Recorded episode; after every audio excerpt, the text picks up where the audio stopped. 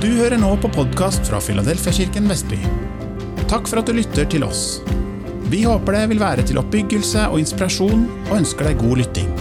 Finn flere taler ved å søke Filadelfiakirken Vestby i din podkastapp.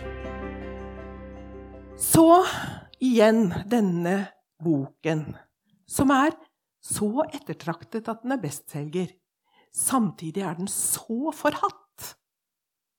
Enkelte blir bare råaggressive når de ser en sånn bok. Jeg leste, fra, jeg leste i Åpne dørers blad eh, her forleden, og der var det en ung kvinne Nå husker jeg ikke hvilket land hun kom fra, men en ung muslimsk kvinne som hadde kommet til tro på Jesus. Og hun hadde fått en bibel. Den hadde hun smuglet inn i huset og lagt under sengen for at ingen skulle finne den, og at hun kunne lese i smug. Faren lette etter noe en dag og fant Bibelen under sengen, og det ble ramaskrik. Han forlangte at enten gikk hun fra den kristne troen, eller så måtte hun ut. Mm. Hun kunne ikke tenke seg å gi fra seg troen på Jesus. Så da sto hun på bar bakke, ble bare slengt ut. Sto på bar bakke. Heldigvis var det en kristen familie hun kjente, som tok imot henne. Så Guds ord, det Der er det liv. Og der Altså, det forgår aldri. Eh, jeg hadde en venninne, jeg har faktisk to venninner, men jeg har glemt den ene historien. så jeg får bare ta den ene. Eh, en venninne som reiste til Romania, det var vel på 60-tallet, tenker jeg, med bagasjerommet fullt av bibler. Bibler i kofferten, bibler i bagasjerommet. Og hun var jo veldig spent når hun kom til grensen til Romania. Kjørte nedover vet du, i egen bil. Jeg synes De var veldig tøffe, disse unge jentene den gangen. Som nå, kanskje. Men i hvert fall kjørte og bare ba og ba. Kjære Gud, må du hjelpe oss gjennom eh, grensen, og at de ikke må sjekke hva vi har med oss inn. Tror du ikke Gud plutselig lot en tåke falle? Så den skjulte skiltene. Jeg vet ikke om den skjulte hele bilen, men i hvert fall den skjulte skiltene, så de så ikke at her kom en norsk bil. For da kunne de begynt å lure. Så hun kunne bare kjøre videre inn og fikk levert biblene til så mange sultne sjeler. Vi har vært en del i Myanmar, og der, når man i høylandet der blir frelst, så blir man innsatt som pastor med en gang, fordi det trengs så mange pastorer for alle disse menneskene. De har ikke en bibel. Tenk dere å være pastor uten en bibel. Da er det godt å ha Den hellige ånd, som kan tale ordet til en. Da vi var i Kenya nå sist, så Sist, vi har ikke vært i Kenya før, men da vi var i Kenya i november, så, så fikk vi være med på å dele ut bibler til pastorer. De hadde heldigvis bibler, de pastorene som var på seminaret vårt der. Men de var så utslitt at de knapt kunne leses, og de hadde ikke råd til noen ny bibel. Og da er det fantastisk å få lov til å gi Bibelen. Jeg, tenker, jeg har sett gråtende mennesker bare kysse Bibelen når de har fått den, fordi den er så verdifull. Og så tenker jeg, vi her i Norge, hvor mange bibler har dere hjemme? Altså, Jeg vet ikke hvor mange vi har, men vi kjøper bibel til hverandre nesten til hver jul og bursdag, fordi det kommer jo gjerne en ny utgave, og det er forskjellige typer, ikke sant? så det er veldig fint å ha. Så vi har masse. Og så er det de der ute som bare lengter etter å få Guds ord på sitt eget språk. Og bruker vi den så ivrig som vi kunne? Jeg skal snakke litt om underernæring eller ernæring etterpå. Vi får se hvordan dette blir. Men i hvert fall Det vi ser i våre dager, er at den største kampen, den største åndelige kampen, den står om Guds ord. Og, og Derfor så må vi løfte frem Guds ord. Og jeg syns jo det var ganske stilig, da. For jeg visste ikke at jeg skulle tale i dag, og jeg visste ikke hva jeg skulle tale om heller, før, før jeg fikk forespørselen. Og da bare fikk jeg så lyst til å tale om Guds ord. Og så kommer vi inn med det solid rock og i det hele tatt. Så Gud, han er med. Den hellige ånd, han inspirerer og minner. Er det ikke nydelig? Så det som er, Jeg har lest nå om at vi i Norge er i en etterkristen tid. altså det, det, skjønner jeg at vi er. Eh, men jeg har lest at det er en økende bibelskepsis blant unge. Jeg lurer på om det er unge voksne. Og Bibelen blir betraktet som mindre hellig og troverdig. Er det ikke ille? Og Samtidig så ser vi når vi går rundt og deler ut Jesusboka, snakker med ungdom, at det er så mange ungdom som er åpne, og som gjerne vil høre. Så vi må bruke denne beleilige tid til å dele Guds ord, til å vise hvem Gud er. For vi kan ikke ha fellesskap med Gud uten gjennom Hans ord. Og jeg var i Kid her forleden og handlet uh, noe greier. Og, og, da fikk jeg bare så veldig sånn da jeg gikk ut fra Kid, at nei, jeg må tilbake igjen, og så må jeg gi Jesusboken til hun som hjalp oss, som vi handlet av. Og du skulle sett hvordan hun lyste opp! Tusen takk! Så tenker jeg, i all verden, hva er dette? Jo, det er en åpenhet. Selv om det er større skepsis enkelte steder, så er det en stor åpenhet for verdier, verdier som varer. Ja Skal vi se eh, Nå kan du ta opp Eh, Grundtvigs salme. Altså, det er Guds ord. Det er vårt arvegods. Der er den! Du er super. For denne salmen, den kom for meg da jeg begynte å forberede meg. Guds ord, det er vårt arvegods. Det våre barn skal være. Gi, Gud gi oss i vår grav den ros, vi holdt den høyt i ære. Ja, må Gud tenke på oss når vi er i vår grav, at vi holdt ordet høyt i ære. Det er vår hjelp i nød, vår trøst i liv og død. Hvordan det går, la dog mens verden står, det i vår ett nedarves. Flott salme! Og det er noe som virkelig ligger på meg, det er at barnebarna skal bli glad i Guds ord. Og barna òg. Men barnebarna, at de virkelig skal se verdien i Guds ord. Da John Wimber, han som grunnleggeren for, var grunnleggeren for Vinjard-bevegelsen, da han eh, ble frelst, så gikk han Han skjønte det var noe, en sånn bok det handlet liksom om en bok, dette her. Så da gikk han til en bokhandel og så spurte han, du, jeg skal ha den boken som Gud har skrevet. Og De visste ikke riktig helt hva det var han mente, så han gikk ut igjen med uforrettet sak. Han måtte i flere bokhandler inn til en skjønte at å, da er det vel Bibelen du skal ha, da. Så boken som Gud har skrevet. Og mm, Unnskyld. Da, da skal vi se på annen Tim 3.16 hvor det står at hele Skriften er innåndet av Gud. Altså, Dette er ikke bare en bok eh, som det er ikke bare Altså, den inneholder ikke bare Guds ord. Den er Guds ord. Det er en forskjell på det. Den er Guds ord. Den er inspirert av Den hellige ånd. Så alt er innblåst. Hele Skriften er innåndet eller innblåst av Gud. Og så står det at den er nyttig til lærdom. Den er nyttig til overbevisning. Den er nyttig til rett rettledning, altså til ledelse, til å vise oss rett vei. Den er nyttig til opplæring i rettferdighet, for at Guds menneske skal bli satt i stand og godt utrustet til all god gjerning. Det er ikke småtteri. Så Guds ord er altså innblåst ved Den hellige ånd. Og Bibelen er jo gitt oss i kjærlighet. Da går vi videre. Vi må jo bare si Bibelen er gitt oss i kjærlighet.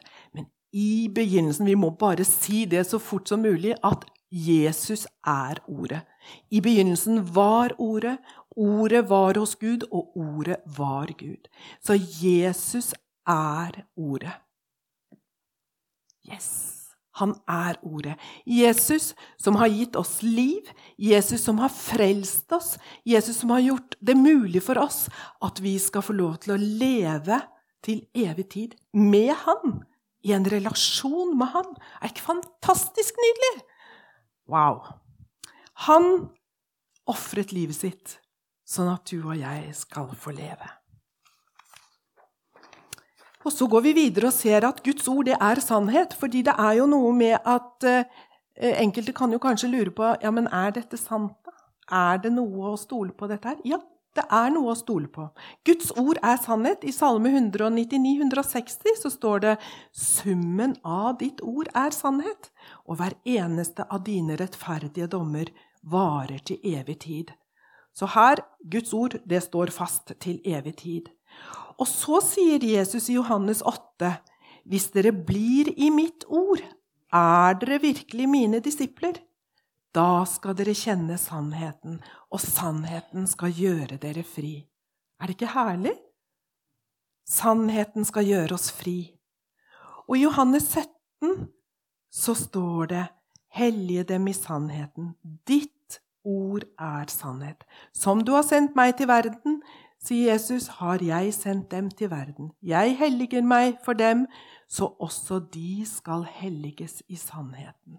Så sannheten i Guds ord, det helliger oss. Det gjør oss helliggjorte.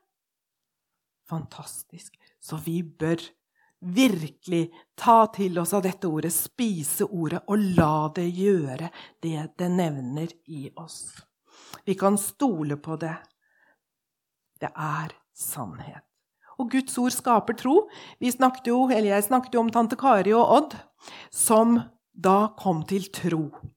Så kommer troen av det en hører, og det en hører, kommer ved Guds ord. De hadde altså hørt, lest ordet for hverandre. Og vet du hva som ble deres store lidenskap etter at de ble frelst? Det var å bli engasjert i Gideon, denne eh, organisasjonen som deler ut bibler. Og da jeg fortalte tante Kari nå for noen år siden at vi hadde vært i Finnmark i aksjonen Bibelen til alle og delt ut bibler, så ble hun fyr og flamme, for da måtte hun fortelle om hva hun og Odd hadde gjort. De hadde reist med Gideon ned til Sørlandet og vært på skoler, inn i skoleklasser og delt ut Bibelen til elevene og til lærerne. Og som vi vet, Gideon legger jo bibler rundt på hotellene i landet vårt. Og det er ikke alltid vi ser det, men på enkelte hotell enda så ser vi det. Og det er fantastisk. Tenk at det var naturlig før. At det lå en bibel på hvert nattbord på hotellene. Fantastisk. Måtte det skje igjen. Ja Og så er det det der når det skaper tro. Guds ord skaper tro. Hvis du syns du har litt lite tro, hva skal du gjøre da? Skal du be noen be for deg så du får mer tro? Jeg tror i grunnen du bare kan ta opp boken. Du må gjerne få noen til å be for deg, men ta opp boken. Les og spis, fordi Guds ord gir tro. Forkynnelse gir tro. Ja jeg kan bare fortelle at På seminarene våre når vi underviser om eh, å helbrede de syke i Jesu navn, da jobber vi mye i begynnelsen av seminarene med å bygge tro. For vi vet at akkurat det med helbredelse har vært en sånn vanskelig greie i kristenheten for en del. At de, ja, de ser det står i Guds ord, men de ser det jo ikke skje noe sted. Dessverre. Men det skjer altså mange steder, heldigvis.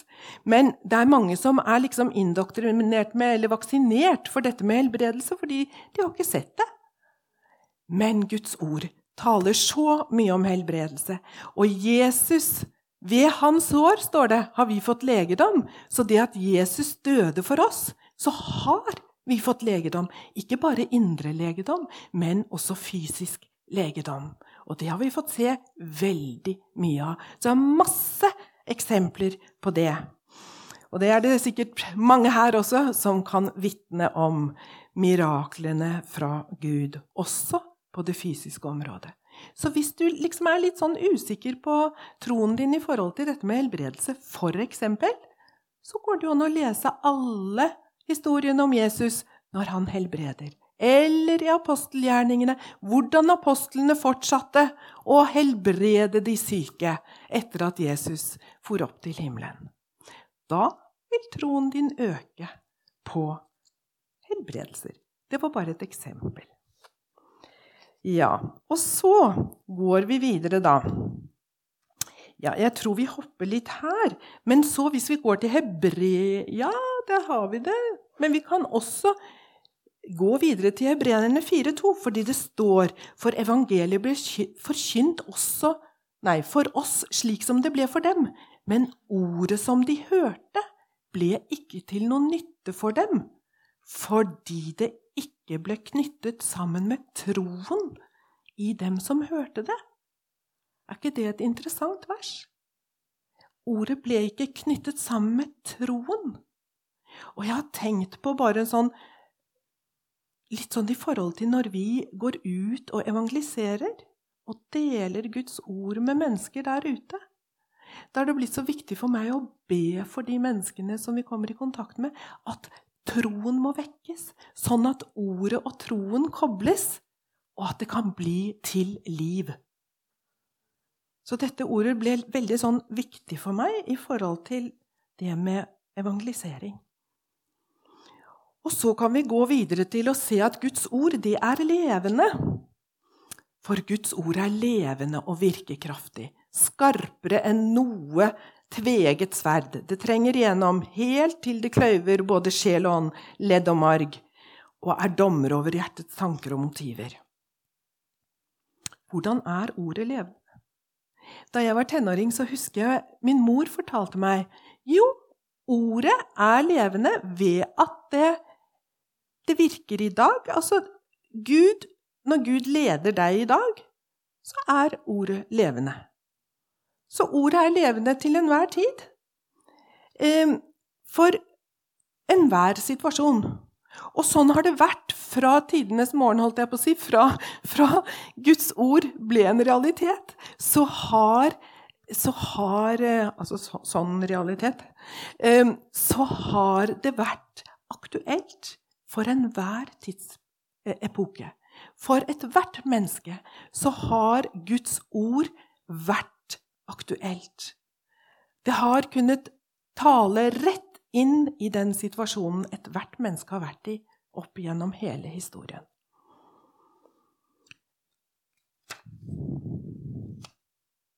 Så Guds ord har hatt en relevans i nåtiden.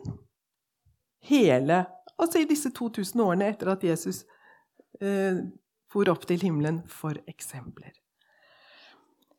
Hvis vi ser på Salme 119, 105, så står det at 'ditt ord er en lykt for min fot og et lys på min sti'. Altså ordet viser deg vei. Det er levende, det viser vei. I Filipperne 2,16 så kalles Guds ord for livets ord. Altså et levende ord, et ord for livet. Johannes 6, 63 sier at det er ånden som gir liv. Kjøttet, altså Kjøttet, kjøttet, kjødet, som vi sier også, det gagner ingenting. Det er ånden som gir liv. De ord som jeg taler til dere, sa Jesus, er ånd og er liv. Så ordene fra Jesus, han som selv er ordet, gir oss liv. Ja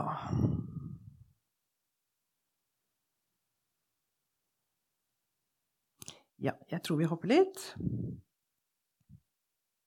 Det vi kan si, er at når ordet Når en person hører Guds ord, så blir det som et sånt åndelig frø. Det blir som et åndelig frø som igjen produserer nytt liv. Ikke sant? Altså, ordet er liv, men det også produserer liv. Så når man tar imot ordet og gir det næring, så vil det produsere nytt liv. Og i Johannes 3,5 så står det at sannelig sier jeg deg Nei, det er vel 3,3, det, kanskje. Uh, uh, uh, Hva har du? 3,5, ja. Sannelig, sannelig sier jeg den. Den som ikke blir født av vann og ånd, kan ikke komme inn i Guds rike. Ordet gir næring og opprettholder liv. Da Jesus ble fristet, så ser vi i Matteus 4,4 at Satan kom til ham og sa at hvis du er Guds sønn, da si til disse stenene at det skal bli til brød. Og selvfølgelig kunne jo Jesus ha gjort det. Men Jesus han var en meget klok mann. Han var Gud. Så han sa Mennesket lever ikke av brød alene. Han viste rett og slett til Guds ord. Mennesket lever ikke av brød alene, men av hvert ord som går ut av Guds munn. Og så tenker jeg Er jeg åndelig underernært? Eller er jeg overernært? Eller er jeg sånn normoernært? Altså Ja. Jeg tror ikke man kan bli overernært på Guds ord. For Guds ord, det er mat. Men jeg tror det er veldig mange, dessverre, som er underernært på Guds ord. Nå hører vi at Guds ord, det skaper, det, det skaper liv. Det, det, det er så mye som vi får gjennom Guds ord. Og dessverre er det veldig mange som sier ja, jeg er kristen, jeg er døpt og konfirmert, jeg. Men lever ikke i ordet, leser ikke ordet. Og hvordan kan vedkommende ha en relasjon med Gud da? Og det vi ser, det er jo at mange som har vært brennende kristne, som etter hvert hvor jobb og unger overtar, holdt jeg på å si, eller tar mye av tiden Og det skjønner jeg, at det er veldig travelt i barnefamilier. Eh, men enkelte faller litt mer fra at de ikke tar til seg et eneste ord i løpet av dagen, kanskje. Og da svinner også troen mer og mer litt sånn umerkelig hvis ikke vi tar til oss denne næringen som vi har fått her. Så vil troen mer og mer svinne. Og det er snakk om mangelsykdom.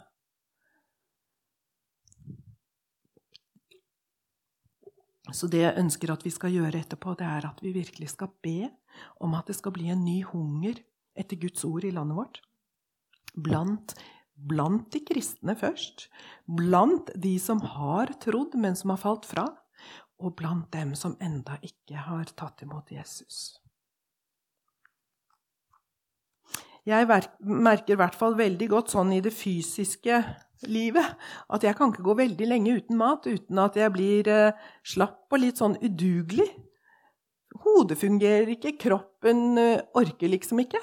Men når jeg får mat, så kvikner jeg veldig til, akkurat som en plante som får vann. Og så plutselig så reiser jeg seg opp igjen, på en måte. Og sånn er det. Jeg tror at ordet er så avgjørende for at vi skal være åndelig oppegående. Og ikke bare åndelig oppegående, for ordet gir jo næring til hele kroppen. Ja, da går vi videre til at ordet gir forstand. Salme 199, 130. Når dine ord blir åpnet, gir de lys. De gir de enfoldige forstand. Og ordspråkene 3.5 sier, Sett din lit til Herren av hele ditt hjerte, og stol ikke på din egen forstand. Nei, det er forstanden i dette ordet som vi skal stole på, og ikke våre tilfeldige tanker eller forstand, som kanskje er bygget på noe helt annet enn Guds ord. Og så kommer vi til det der at Guds ord er virksomt og virkekraftig. Altså i Efeserne, som vi leste. Det er virksomt, sto det i den oversettelsen her. Virkekraftig er en annen oversettelse. Guds ord er rett og slett kraft. Det er sprengkraft i dette ordet. Og jeg tenker som eh, Igor delte om alle de miraklene de opplevde på denne korte stunden de var på tur. Og jeg tror at det var flere mirakler som skjedde, enn det kunne, dere kunne se med øynene. Og jeg tror Gud gjør flere mirakler i Ukraina nå enn det vi kan se. Fordi Guds ord, Jesus, er kraft. Det er kraft. Vi har med en overnaturlig Gud å gjøre, som har kraft som overgår all annen kraft. Halleluja. Ja I Jesaja 55, 10 så står det fordi ordet er virkekraftig. Altså, det gjør det det sier det skal gjøre. Og her har vi en bekreftelse på det. Jesaja 55, 10-12. Nei, 11 er det egentlig, så det er feil feiltrykk. For som regnet kommer ned og snøen kommer fra himmelen og ikke vender tilbake dit, men vanner jorden og får den til å spire og skyte knopp, så den gir såkorn til såmannen og brød til den som spiser. Slik skal mitt ord være. Det som går ut fra min munn, det vender ikke tomt tilbake til meg, men det utfører det jeg har sendt det til, eller det jeg har velbehag i. Og det skal lykkes i det jeg sendte det til. Er det ikke fantastisk? Tror vi på dette? For det er noe med å våge å tro og steppe ut på Guds ord. Ikke bare ha det her i hjertet, men også å trå på det, holdt jeg på å si, stå på det og gå på det. Og se, det virker. Det holder. Guds ord holder. Gud er trofast. Han holder alltid sine løfter. Og Jesus sa i Matteus 22, 29 at dere farer vill fordi dere ikke kjenner Skriftene. Det er ganske alvorlig. Dere farer vill fordi dere ikke kjenner Skriftene, og heller ikke Guds kraft. Veldig interessant at han har satt de to tingene ved siden av hverandre. Og jeg tenker på, som vi opplever av og til, det er altså Det står i Salme 107, vers 20, at han sendte sitt ord. Altså han Sånn som vi nå sa, at han sender ordet. Han gjør det han har behag i, det han har sendt det til. Og bare som et sånt eksempel han sendte sitt ord og helbredet dem og reddet dem fra deres undergang eller fra graven, som det også står i enkelte oversettelser. Gud sender sitt ord, og ordet har kraft til å lege. Til å helbrede. Ordet i seg selv. Et eksempel på det. Jeg vitnet om hva Jesus hadde gjort for en kvinne. Hun hadde en øyelidelse som gjorde at hun ville bli blind. Hun hadde allerede begynt å få veldig svekket syn på det ene øyet. Og, og hun skulle bli blind. Vi ba for henne i Jesu navn, og hun ble helbredet for denne øyesykdommen. Da jeg vitnet om det nede i Bulgaria For vi opplevde dette i Myanmar. Da jeg vitnet om det i Bulgaria, så var det en kvinne nede i salen som kom opp etterpå. Du, du vitnet om hva Jesus, han som er Ordet, hva han hadde gjort for den kvinnen med hennes øye. Så ble mitt venstre øye helbredet, for hun hadde en øyenlidelse på venstre øye. Er ikke nydelig? Bare som et eksempel på at Gud, han sendte sitt ord og helbredet dem. Halleluja. Og reddet dem fra deres undergang. Og så ser vi at Guds ord er skarpere enn noe tveegget sverd. Det hadde vi oppe i sted. Det trenger gjennom helt til det krøyver både sjel og ånd, ledd og marg, og er dommer over hjertets tanker og motiver. Hva betyr egentlig dette? Det er ikke snodig. Hvordan kan ordet liksom kløyve sjel og ånd? Men saken er at jeg tror veldig at vi, vi, det moderne mennesket, vi er nesten mer opptatt av våre følelser enn av hva Guds ord sier, enn av hva Ånden er fylt av. Eller kanskje vi ikke har fylt Ånden så godt med Guds ord. Så Guds ord, det ransaker oss. Guds ord blir som et speil, på en måte. Det ransaker oss og skiller hva som er ånd, og hva som er sjelisk. Det er fantastisk. For det er ikke sjelen vi skal følge, det er ånden vi skal følge. Og det som er så viktig, det er at vi fornyer vårt sinn på Guds ord. Slik at vår ånd og vår sjel, eller vårt sinn, er fylt av Guds ord, sannheten i Guds ord, rettledningen fra Guds ord, slik at vi følger det. Og da vil våre følelser komme etter. Altså Tankene våre produserer følelser. Hvis vårt sinn er basert på Guds ord, så vil også våre følelser legge seg under vårt sinn. Og det gjør noe. Fordi det er så mange som går rundt og er fryktsomme, f.eks. For fordi de ikke har matet seg selv med Guds ord, som sier 'La ikke hjertet bli grepet av angst'. Tro på Gud og tro på meg. Ser dere litt den der sammenhengen med at vi skal fornye vårt sinn på Guds ord. Da blir ikke følelsene sånne Og så blir man overmannet av frykt og angst. Hvis, hvis ordet har fått gjort sin virkning i oss, for eksempel. Og jeg vet at enkelte psykiatere har veldig vanskelig for å kunne sette en diagnose på en del psykiatriske pasienter, psykisk syke pasienter. Hvorfor har de problemer med det? For de psykiaterne som ikke bruker Guds ord, og hvordan Guds ord kan gi oss discernment, altså hjelpe oss å skjelne mellom det som er ånd, og det som er sjelisk. Og det er jo en del ånd som ikke er Guds ånd. Vi har det okkulte som virker på mennesker. Og vi har f.eks. bitterhet, som også kan virke på mennesker, som gjør at det blir så vanskelig for disse psykiaterne å sette en diagnose. Fordi de, de kan ikke skjelne altså mellom psyken og ånden, altså hva som er åndelig, hva som er psykisk. Og kirurgene de prøver jo så godt de kan å operere, de. Eller leger i sin alminnelighet prøver jo så godt de kan å gi medikamenter for plager.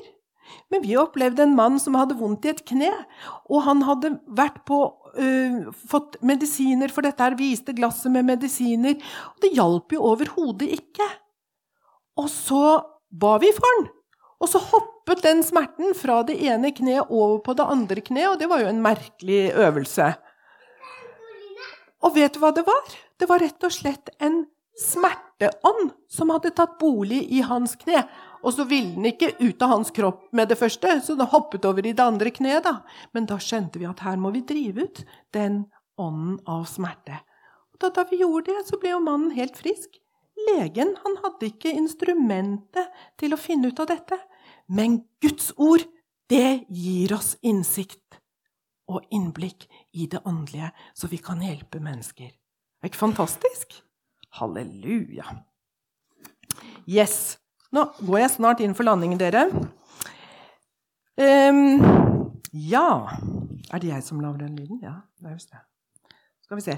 Guds ord bringer liv og helse. Vi har jo snakket en del om det allerede, men jeg har så lyst til at vi skal ta opp ordspråkene 4, 2022, hvor det står Min sønn, gi akt på mine ord. Bøy øret til min tale. La dem ikke vike fra dine øyne, ta vare på dem i dypet av ditt hjerte. For de er liv for dem som finner dem. Altså dette er snakk om Guds ord. Det er liv for den som finner dem, og helse for hele hans legeme. Så Guds ord er helse for hele vårt legeme. Bevar ditt hjerte fremfor alt som bevares, for livet går ut fra det. Så når vi har Guds ord i vårt hjerte og bevarer det, tar vare på det, utvikler det, så vil det gi helse til hele kroppen. Både ånd, sjel og kropp. Så er det dette her å memorere på ordet. Her har jeg mye igjen. Jeg syns det er vanskelig å huske. Jeg husker en del av de ordene som jeg lærte meg uten at jeg var ung, men å lære nye ord nå, det er ikke like enkelt, men jeg er i sånn treningsøkt på dette. Fordi det å memorere på ordet, det å ha ordet i hjertet Vi er så bortskjemt med at vi har hatt fri tilgang til Bibelen, så vi kan lese den når vi vil. Men det er ikke alle som har det, og kanskje ikke vi kan ha det slik eh, videre heller. Vi. Og da er det godt å ha ordet i hjertet, og memorere på ordet. Og denne nydelige bibellæreren Derek Prince han fortalte at de som overlevde under eh, kulturrevolusjonen revolusjonen i Kina i 1966 og, og, videre De kristne som overlevde, vet dere hva de hadde gjort før revolusjonen startet? De hadde memorert Guds ord. De hadde Guds ord lagret her inne.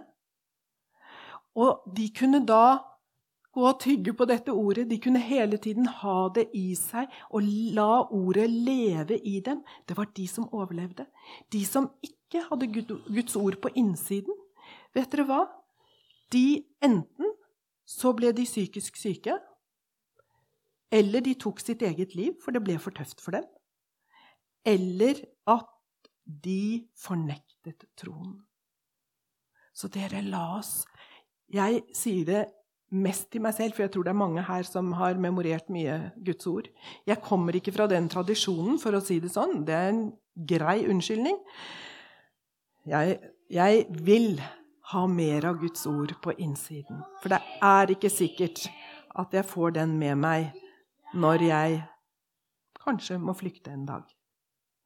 Men skulle jeg høre at jeg må til en øde øy, så er det bare denne her jeg tar med meg. For dette her er jo en bok som vi kan lese, og den blir jo ny hele tiden. Så det er jo fantastisk. Det er liv. Da har vi mat på denne øde øya. Og så gir Gud seier over synd. Eh, da tar vi Salme 119,11. Vi må liksom ha litt sånn hva Guds ord gir. I mitt hjerte har jeg gjemt ditt ord for at jeg ikke skal synde mot deg. Så Guds ord er en beskyttelse for oss for å ikke synde. Og da har vi også neste. Hvordan kan den unge holde sin sti ren? Ved å holde seg til ditt ord. Så altså, Guds ord det er så rikt og fantastisk. Og så er Guds ord et våpen som beskytter oss. Og der har vi Efeserne 6, 10-17. Vi bare slår det opp der. Men det jeg har lyst til å si, det er at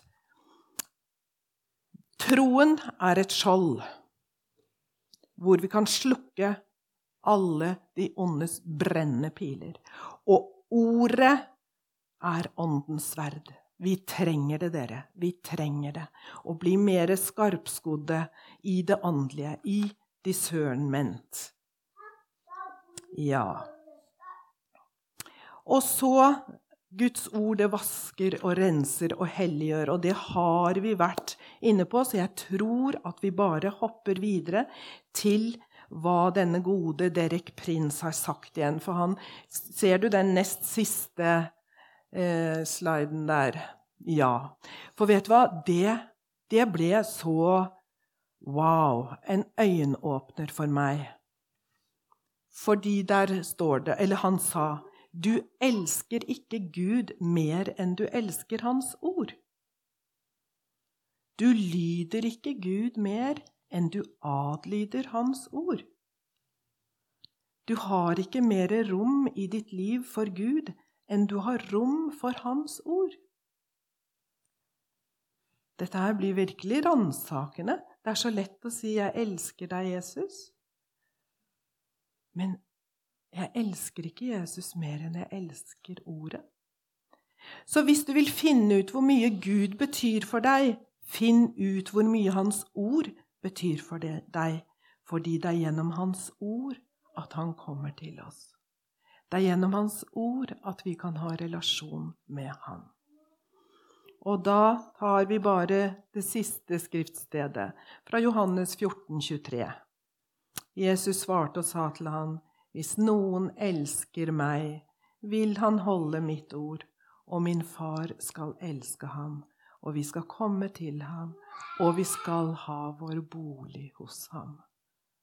Tenk så vidunderlig. Han, den treenige Gud, vil bo i oss. Han skal få være en bolig. Vi skal få være en bolig for ham. Er du nysgjerrig på Jesus og har lyst til å lære mer? Da er du hjertelig velkommen hos oss i et varmt og inkluderende fellesskap.